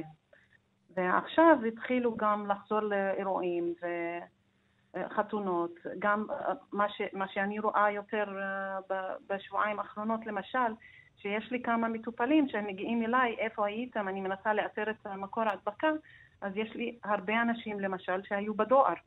היו, היו כאילו בצפיפות של אנשים בדואר. עמדו שם בתור, הלכו אה, אה, לגבות את הכסף שלהם, ואז כאילו, וזה חוזר על עצמו. כאילו, אנשים שלא יוצאים מהבית אלא רק למשהו חשוב, וזה כאילו, אני לא יצאתי מהבית כל החודש, רק הייתי בדואר לפני חמישה ימים. מה, מה צריך לעשות, את חושבת, כדי לתקן את המצב הקטסטרופלי הזה? זה פשוט צריך לעשות איכשהו, למצוא איזשהו דרך לעשות איזשהו בקרה וכאילו מעקב אחרי זה, לנסות לבדוק שההנחיות באמת מוקמות במקומות כאלו. יש גם בחתונות, גם במקומות אה, של ההתעללות, גם, של, גם כאילו מקורות של אה, דואר ובנקים ומקומות ציבוריים ככה. צריך לדאוג יותר על זה, אה, לא רק על אנשים שהולכים בכביש בלי מסכות. כי בן אדם שהולך ברגל בלי מסכה, אם הוא לבד, זה לא מאוד מעניין אותי. מעניין אותי אם הוא עומד עם עוד אנשים, מדבר בלי מסכה. אז יותר חשוב. אוקיי. הדוקטור דימה ביטר, תודה רבה. בבקשה. הנה הם איתנו. רועי שרון וגל ברגר, כתבינו. חברים, שלום רב. שלום וברכה. שלומכם בגדול בקווים כלליים? טיל. גל? רציף, רציף. Hey, אה, רועי, בוא נלך קודם כל לאירועי הלילה הזה, מה, כמה כמה, מי נגד מי, והבטיחו לנו כזה שבולם בלונים בלייזר, האם זה באמת קורה? אני לא יודע מי הבטיח לכם, אני שומע על הלייזר הזה כבר, אני חושב, יותר משנה, ו... בוא נגיד, כבר, כבר ברגע הראשון שהוצב, ניסינו להנמיך ציפיות ורמזנו שעדיף לא לבנות על זה יותר מדי ציפיות. יכול להיות שיום אחד זה יעבוד. בינתיים אנחנו רואים אתמול היו יותר מ-20 שרפות. אה, אתה אומר פה דברים קשים. לא אכפת לי כל כך מהמערכת כמו זה שהוליכו אותנו שולל. לא, לא הוליכו שולל, מנסים, התעשיות הביטחוניות מנסות ומציבות ולייזר, ו... ויום אחד זה יעבוד, וגם מפתחים את זה לא רק בשביל הבלונים, אלא גם בשביל אה, רקטות. בינתיים זה עוד לא מביא את התוצאות הרצויות. בלילה צה"ל תקף ברצועה, ותקף באמצעות טנקים, עמדות של חמאס, אה, עמדות של חמאס שנמצאות על, ממש על אה, קו הגבול, נגיד 150 מטר מגדר הגבול. שזה לא התקיפות החריפות של חיל האוויר שיותר כואבות לחמאס נגד אה, תשתיות, מפקדות, מחסני רקטות, זה עמדות של חמאס שהן חצי בודקה, זה, זה תקיפות חצי כוח. מה זה חצי כוח? זה כדי לספר לנו בחדשות שתקפנו? מצד אחד זה לא דיונות, אין דיונות, כבר לא תוקפים דיונות שנים. כי חיסלנו אותם כבר ב, ב, אצל הדיונות- שרי הביטחון הקודמים. הדיונות מוגרו, מוגרו. כבר באמת, צה"ל מקפיד על זה, אבל, זה, זה לא תקיפה, בוא נגיד, זה לא תקיפה א', לא מסכנת, לא יהיו נפגעים אף פעם בתקיפה הזאת, וגם זה תקיפות שהן פחות, הרבה פחות כואבות לחמאס, מאשר לא, להוריד לחמאס תשתית, אה, תשתית של, אה, תשתית קר קרקע, תת קרקע, או מפעל של רקטות, או מחסן של אמל"ח וכולי.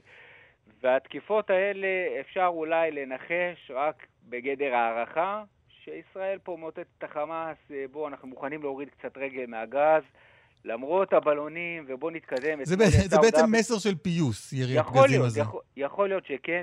ניסינו, ישראל ניסתה בשבועיים האחרונים, מאז שחזרו אלינו הבלונים, את הסנקציות האזרחיות מיצתה עד תום. בהתחלה צמצמה את מרחב הדייג, עוד קילומטר, עוד חמישה מייל, ירד לאפס. הסגירה של אה, מעברי, מעבר כרם שלום, בהתחלה בלי מוצרי דלק. אגב, אמרתי דלקים לפני שבוע וננזפתי מהלשונאית. אסור להגיד דלקים, צריך להגיד מוצרי דלק. אז רק שתדעו את זה. יפה.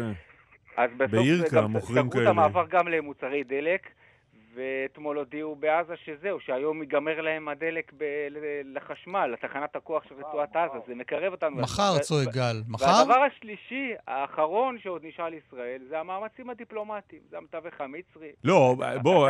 אני, אני קורא פה ושם בכל מיני מקורות זרים של ישראל, יש יכולות כשהיא רוצה לעשות כל מיני דברים. כלומר, אם אה, צה"ל הגדול היה רוצה להילחם בחמאס ולהכריח אותה כן. להפסיק לירות עלינו, לה- להעיף עלינו בלונים עם מטעני חבלה, היינו יכולים לעשות אז- עוד משהו. אז אני רוצה להגיד לך על זה שני דברים.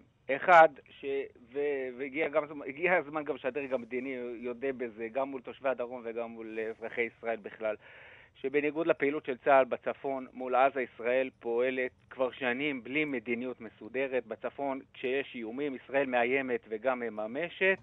ועל כל הפ- הפרת ריבונות יש תקיפה ישראלית משמעותית, ובדרום זה סיפור אחר, אנחנו רואים את זה, בטח כשמדובר בנשק שהוא לא רקטות אלא בלונים שעושים פה כאב ראש ושריפות אבל אין נפגעים, וזה מביא אותנו למסקנה הבאה, שכל פעם שכאן בישראל אנחנו שומעים מישהו בדרג המדיני או בדרג הפוליטי שאומר דין בלון כדין רקטה, זה שקר.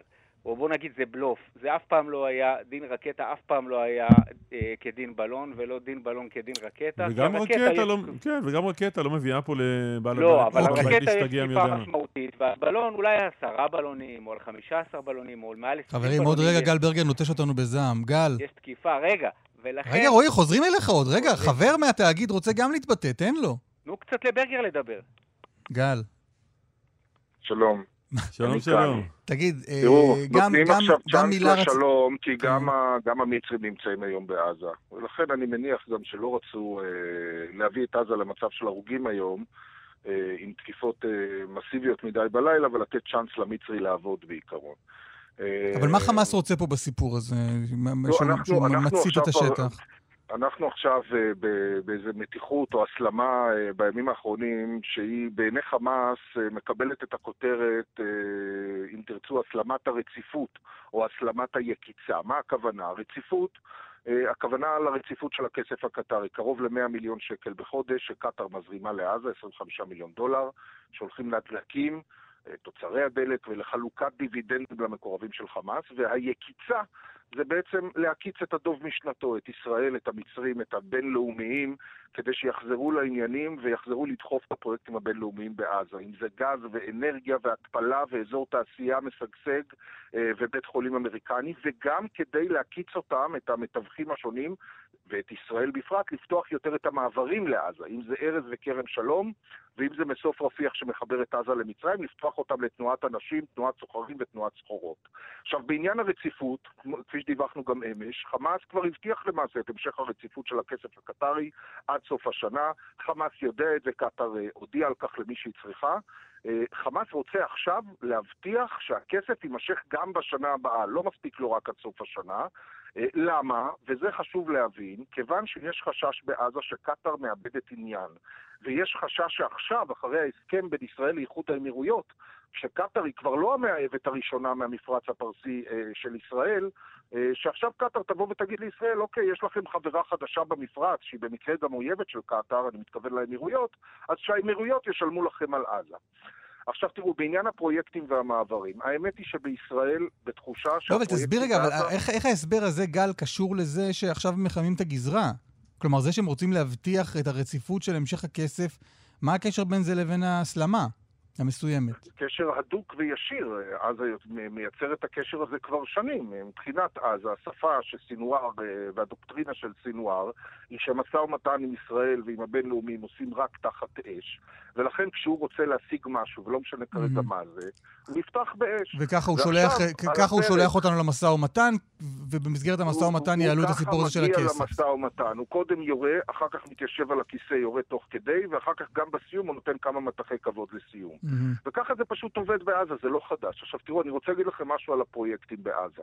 Uh, היו עיכובים בחצי שנה האחרונה בפרויקטים, בקידום שלהם בעזה, כיוון שהייתה קורונה ויש אפקט קורונה, וגם הקהילה הבינלאומית העדיפה לתעל את הכסף שלה לציוד וסיוע רפואי לעזה, על חשבון פרויקטים בעזה. ויש גם את העובדה שהמדינות התורמות התכנסו בתוך עצמן כל אחת לטפל בקורונה. אה, וגם אני חייב לומר לכם, חמאס בעצמו עיכב את הפרויקטים, כיוון שהוא הנהיג מדיניות נוקשה של סגר קורונה בעזה, וחייב כל צוות בינלאומי טכני שהיה אמור להגיע לעזה מחוץ לארץ, להיכנס לבידוד 21 יום, ולא כל אחד מוכן לזה, והיו כאלה שגם ביטלו את בואם לרצועה. אה, עכשיו חמאס התעורר פתאום, והוא אומר, אוקיי, הקורונה אצלי הסתיימה, זה הזמן לחזור לעניינים, ולכן הוא מרעיד את הגבול כדי להחזיר את כולם מהמם. לתלם. ואני חושב שצריך לומר עוד מילה על הפריימריז בתוך חמאס, שמתנהלים בימים אלה, כיוון שאי אפשר לנתק את זה. יש בחירות פנימיות להנהגת הארגון שנפרסות על חודשים.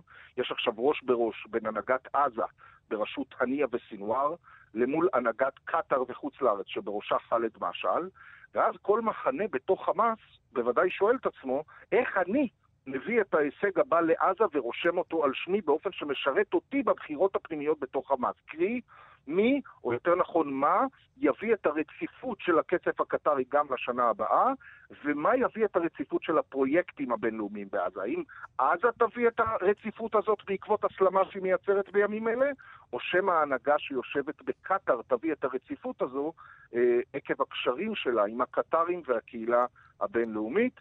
ולתוך הסבך הזה מגיעה היום משלחת המודיעין המצרית לעזה, שתנסה להרגיע את השטח, אבל בחמאס... בדיעבד העדפתי את הפריימריז שבו חילקו נקניקיות, ולא את הפריימריז שבו חילקו תראו, רק עוד מילה על. המשלחת המצרית פה. בעזה. מילה אחרונה, ממש משפט לסיום, על המשלחת המצרית היום בעזה. בחמאס מתרשמים שהביקור הזה הוא ביקור ללא בשורה, ולכן מה שאני שומע ממקורות בחמאס אתמול לפחות, זה שההערכה שלהם היא שההסלמה והבטיחות בדרום יימשכו בימים הקרובים, עד שהם אה, אה, יחושו באיזשהו הישג ממשי ויגיעו למיצוי של האירוע הנוכחי. עצרנו לפני זה את רועי שרון בדישו. רועי, משפט אחרון? יש כאן גם פרמטר מאוד אה, פסיכולוגי בין ישראל לחמאס, בזמן שישראל מככבת בעולם הערבי עכשיו עם ההסכם עם האמירויות, תראו איפה חמאס נמצא.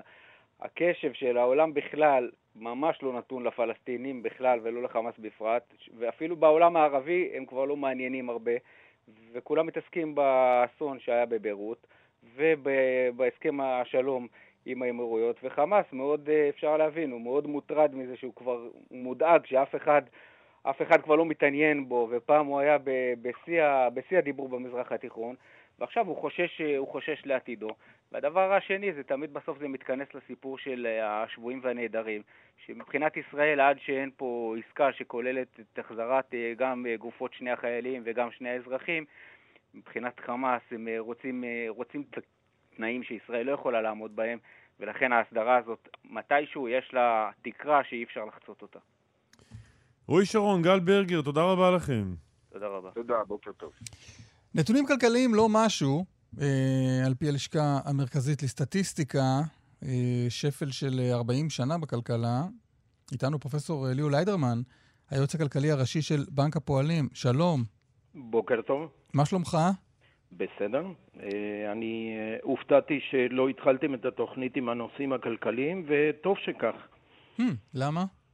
מכיוון שבמובן מסוים הנתונים שפורסמו אתמול הם אה, כבר היסטוריה. הם היסטוריה של הרבעון השני שהסתיים בסוף יוני, והמאפיין הבולט של הרבעון הזה זה בעצם מדיניות הסגר.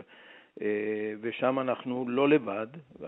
סגר הוא הופעל והוטל כמעט בכל העולם. וכשיש סגר, פירושו שיתוק בפעילות הכלכלית, ושיתוק בפעילות הכלכלית, שאתה משווה את התפוקה באותו רבעון לעומת הרבעון הקודם, או לעומת שנה קודמת, בוודאי שיש ירידה מאוד מאוד משמעותית. אז אתה אומר אין פה דרמה גדולה. הדרמה הגדולה היא במה שמסתתר מאחורי אה, אה, הנתונים הסטטיסטיים היבשים. הדרמה הגדולה, לעניות דעתנו, היא אה, קודם כל בשוק העבודה. יש יותר ממיליון ישראלים, אה, סליחה, קצת אה, פחות ממיליון ישראלים שמחפשים עבודה ולא מוצאים עבודה.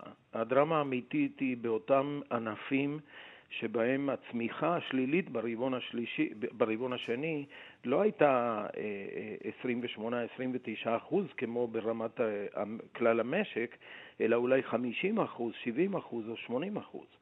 אה, כלומר, יש פה, אה, אה, זה מיתון מאוד סלקטיבי מבחינת הפגיעה בענפים מסוימים, בסקטורים מסוימים, יש אוכלוסיות רבות במצוקה, יש עסקים קטנים ובינוניים שלא בטוח שיצליחו לשרוד את התקופה הזאת ואת החודשים הקרובים. אה, זאת הדרמה האמיתית, והיא דרמה לא רק כלכלית, אבל... היא, גם דרמה, היא גם דרמה חברתית כמובן. כן, מכיוון שהנתונים האלה נכונים לסוף יוני, אתה יודע להגיד כמה המצב היום טוב יותר מהמצב שהיה ביום שבו סוכמו הנתונים האלה? אה, ממש לא, ואני עוד אפילו אגיד לך שהנתונים שפורסמו אתמול עוד אה, נתונים לרוויזיות, כנהוג על ידי הלשכה המרכזית לסטטיסטיקה ובכל העולם, אה, רוויזיות אחורה באופן רטרואקטיבי, כך, ש, כך שאנחנו גם לא יודעים באופן אמיתי את הנתונים אה, של הרבעון השני. לא הבנתי, מה זה הרוויזיות האלה? הרוויזיות האלה זה תיקונים בכל מיני טעויות סטטיסטיות, כל מיני דיוקים שנעשים. כלומר, אתה אומר זה גם, זה גם לא אמת לשעתה. כלומר, יכול להיות ש... נכון, שגם אבל... הנתונים לא נכונים ביחס לרבעון כן, שעליהם אבל... הם מדברים. זאת הייתה הערת פוטנוט לשאלה שנשאלה. תראה, אני יכול, אה, אה, אין לנו נתוני תוצר ברמה הלאומית על בסיס חודשי. הנתונים מתפרסמים על בסיס רבעוני, אבל יש לנו שורה של אינדיקטורים חודשיים, כמו למשל מדד אמון הצרכנים, סנטימנט הצרכנים, איך גברת כהן או מר לוי מרגישים כלפי הרכישות שלהם, גם של מוצרים שוטפים, גם של בני קיימא. יש לנו ולבנק ישראל פרסומים על אה, סנטימנט העסקים בישראל. ואני יכול לומר שבכל האינדיקטורים האלה של הדופק הכלכלי אה, ממש ברמת המיקרו, הנתונים נראים לא טוב. הנתונים נראים כנתונים אה, בעייתיים. כשאנחנו מדברים על החודשים הקרובים, הנושא הראשון שצריך לשאול זה הנושא הבריאותי. מכיוון שאנחנו כבר בגל השני של הקורונה, אה, הוא הקדים את בואו, הוא ממש הפתיע לא רק אותנו הכלכלנים, גם את האפידמיולוגים ואת המומחים הכי טובים אה, במדע. אבל פרופסור לדרמן, מה שאני שומע, מה שאתה אומר, אתה אומר בעצם, עזבו את נתוני הלמ"ס על התוצר, זה, זה פחות חשוב. ובואו תקראו את הנתונים הכלכליים שהם גם הרבה יותר נגישים וגם הרבה יותר מובנים לנו. כמו, אה, תראו את הענפים ש... את השני. תראו את הענפים שנפגעו, תראו את המובדלים שמסביבכם, את כל האנשים בחל"ת, ותבינו שמצבנו לא טוב. ברור, אבל אני חושב שאין כאן ויכוח. אה, אחד משלים את השני. אחד הוא הנתון של הדופק, השני הוא הנתון היותר מדויק, אבל שהוא מגיע באיחור מסוים. אבל מה שחשוב הוא להסתכל קדימה. כי אני חושב שמבחינת אה, אה, אה, קובעי המדיניות, הנתונים של אתמול הם רק עוד המחשה לדחיפות הכל כך גדולה בלהתוות מדיניות כלכלית לשנה הקרובה, איזושהי מדיניות שתקרין אמינות, שתשפר את הסנטימנט, שתגרום לכך שבמגזר העסקי אה, אה, גורמים, אה, גורמים שונים ירצו להשקיע, להעסיק יותר עובדים וכולי. ושם, כידוע לכם, הדברים כרגע בעמדת המתנה, בעוד שבמדינות אחרות הם כבר יצאו לדרך עם תוכניות כאלה. אוקיי, okay. פרופסור לאו ליידרמן, היועץ הכלכלי הראשי של בנק הפועלים, תודה רבה. תודה לכם. טוב, אנחנו עכשיו עוסקים בסיפור מעניין שפורסם במעריב, העלית לך קלמן.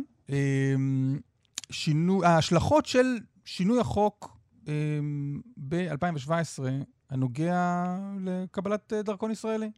כן, משנות ה-60 אה, של המאה הקודמת, כמו שנהוג להגיד, אה, אה, בהתבסס על חוק, חוק הדרכונים, אפשר היה, אה, שר הפנים היה יכול למנוע דרכון ישראלי חדש מעולה חדש למשך שנה.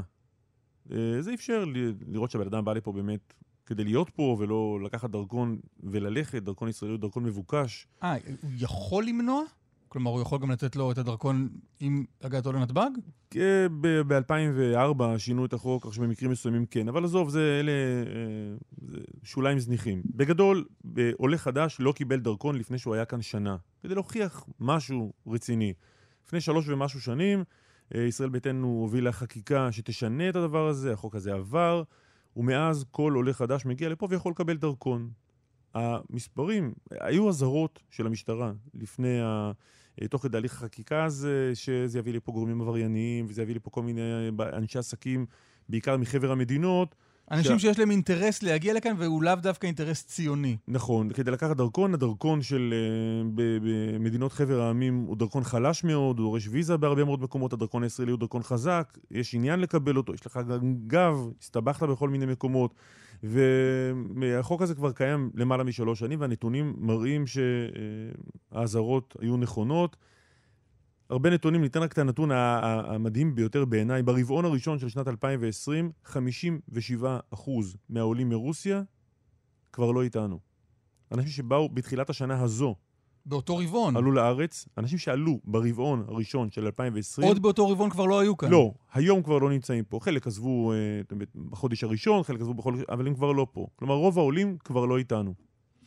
פרופסור שלמה מור יוסף, שלום. שלום שלום, בוקר טוב. מנכ"ל רשות האוכלוסין וההגירה. מה אתם יודעים על האנשים האלה?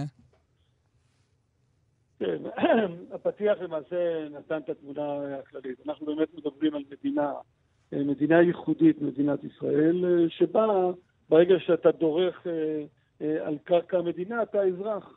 אין תהליך התאזרחות, זה חוק השבות, זה הכוח שלו, זה היתרון שלו, ולכן כל מי שמגיע כיהודי מיד הופך להיות אזרח המדינה, והוא זכאי לכל הזכויות, מטיפול רפואי ועד אה, אה, מענק קליטה.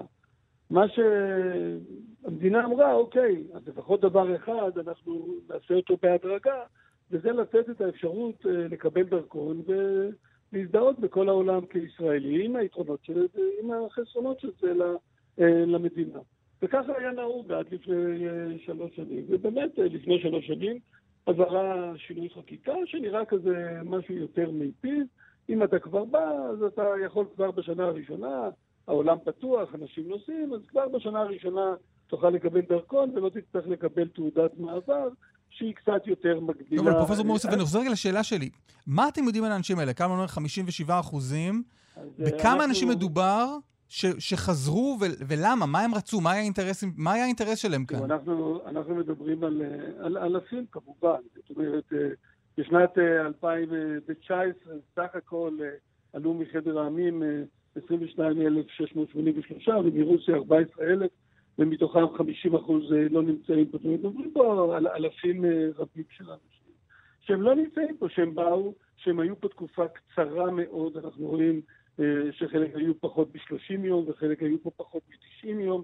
אה, במספרים גבוהים מאוד. מי שהוציא דרכון בחודש הראשון, אה, 71 אחוז שהו פה פחות מ-30 יום, ו-87 אחוז שהו פה פחות מ-90 יום. אבל פרופסור מור יוסף, בהמשך, בהמשך לאותן אזהרות של המשטרה על עבריינים ועל... לא- לא יכול להיות שמדובר פה בעשרות אלפי אנשים שהסתבכו בפלילים ברוסיה ומנסים לפתור את זה דרך לא, הדרכון לא, הישראלי. כמה אלה כבר- כמה כאלה כבר יכולים להיות? אז מה האינטרס של כל האחרים? אני לא אמרתי שכולם פושעים חס לא, אז-. אז- אז לא אני שואל איזה. אינטרס יש להם לכל האחרים. האינטרס העיקרי, האינטרס העיקרי, אם אנחנו מנתחים את זה אחורה, קדימה אה, זה לא נאמר. אם מסתכלים אחורה, האינטרס העיקרי קודם כל, אה, לקבל את הביטחון שאתה אזרח מדינת ישראל. וה- והיה אם, והיה אם יהיה אנטישמיות ותרצה לברוח, והיה אם יתנכלו לך בדרך כזאת או אחרת. הם השיגו איזושהי תעודת. ביטוח, אתה אומר. אז אתה, נכון, אז דבר ראשון זה תעודת ביטוח, ודבר שני, זה דרכון, זה רכוש רציני מאוד. זאת אומרת, אה, אה, אנחנו מדברים אה, על זה שדרכון ישראלי אתה יכול לנסוע לאירופה, לקנדה, לדרום אמריקה, בלי ויזה. בדרכון רוסי אתה צריך ויזה לכל המקומות האלה. זאת אומרת, יש פה אלמנט נוחות גדול מאוד, יש פה אלמנט ביטחון גדול מאוד, ויש פה גם אה, אפשרות, שזה אני מניח מיעוט קטן של המקרים, אין לי, לי באופן אישי אין שום הוכחה לזה, אבל שמענו את זה מגורמי הביטחון, שאנשים יכולים לבוא לפה בשם מסוים, בדרכון הרוסי שלהם, לקבל דרכון ישראלי, להחליף את השם ולצאת מפה עם אה, שם אחר בדרכון ישראלי. טוב, אה, בהינתן, פרופסור מור יוסף, בהינתן שזה המצב והוא לא טוב, מה מה עושים? הייתה פה, היה פה כינוס אה, או ישיבה של כל הגורמים שהם רלוונטיים, כל משרדי הממשלה, אם זה משרד החוץ, לשכת הקשר, משרד העלייה והקליטה, משטרה, כוחות ביטחון, אנחנו.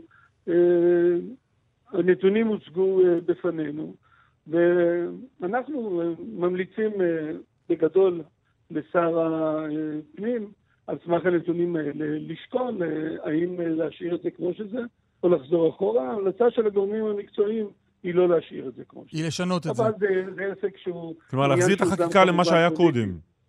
כן, כן, להחזיר את המצב לקדמותו, כי הניסיון הזה לטעמנו לא צלח. אבל, אבל תגיד רגע, מה, מה, קלמן אמר ו- ואתה הסכמת איתו, אה, המצב הזה הוא לא טוב. תסביר רק את הסכנה שאתם רואים בזה. למה זה לא טוב? כלומר, מה, מה הבעיה הגדולה כאן? תראה, אנחנו לא מחלקים את הדרכון הישראלי לכל מי שרוצה לבוא לפה לקבל דרכון ולחזור כן. הביתה. לא, אז ברור שהיינו אנחנו רוצים שמי שיש לו דרכון ישראלי גם יחיה אנחנו כאן. מדברים פה על תהליך של אה, עלייה, אנחנו רוצים את האנשים האלה פה, ומי שפה מגיע לו כל, את הכל הטוב שבעולם. כן. אנחנו לא באים לפה לאנשים שיבואו, יקבלו רק סוכריה אחת. לא, ברור, אבל אנחנו תסביר לי למה, למה- מה הבעיה. כלומר, איפה, איפה הסכנה, או מה, מה אתה רואה כאן שהוא, שהוא, מפ, שהוא מפריע, שהוא דרוש תיקון? הצגתי את, את הנושא הביטחוני מצד אחד. מצד שני, הם מזוהים בכל מקום כאזרחים ישראלים שהם לא אזרחים ישראלים. נראה לי אה, א' ב', שאם אתה אזרח של מדינה, אז אתה במדינה שאתה אזרח בה. אתה לא... לא אה, יש פה מלא ישראלים, יש פה מלא ישראלים, יש פה מלא לא- ישראלים, בוודאי, אבל זה... יש מלא ישראלים שמחזיקים בדרכונים זרים של כל מיני מדינות, נכון, שהם נכון, שהם חיים הפורטוגלים פה. מסכימים שכל הפורטוגלים יהיו ישראלים. זה עניין של מדיניות של כל מדינה. ולכן אמרתי, אנחנו מחזירים את זה למגרש הפוליטי. יכול להיות שיחליטו שהמדיניות הזאת היא חשובה, והתעודת ביטוח הזאת אה, לתושבי אה, ברית המועצות אה, לשעבר היא חשובה, ואני מתייחס אליהם. החוק הוא לגבי כולם, ולכן אני שואל. אותך, למה לך זה מפריע? לי לי באופן אישי, או... כן, אתה בתוקף אמרת שאתה רוצה לשנות את זה, אז אני שואל אותך למה. אני חושב שאנחנו לא צריכים אה, לחלק דרכונים אה, בצורה בלתי מבוקרת, אה, זה הכל.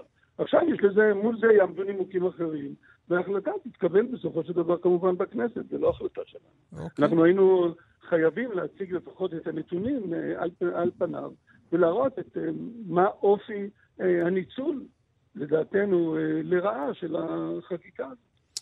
פרופסור שלמה מור יוסף, מנכ"ל רשות האוכלוסין וההגירה, תודה רבה לך. בוקר טוב.